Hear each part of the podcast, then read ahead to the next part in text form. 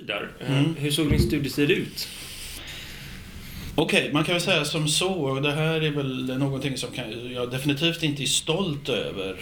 Jag läser ju då juridik här i Sverige och är i Göteborg, förvalt, företags och förvaltningsjuridisk linje heter det då.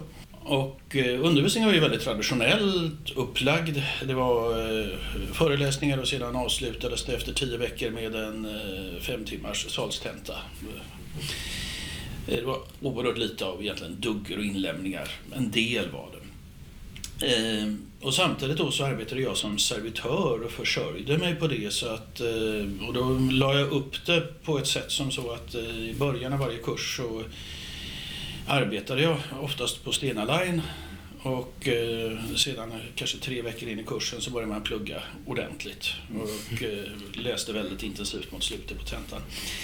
Och det här är ju definitivt inte en studieteknik som jag på något sätt rekommenderar och eh, jag menar den utveckling vi går mot idag att eh, ha ett engagemang under hela kursen och arbeta med kumulativ examination, inte bara en salstenta på slutet som mäter en viss, mått av, eh, viss typ av kunskap.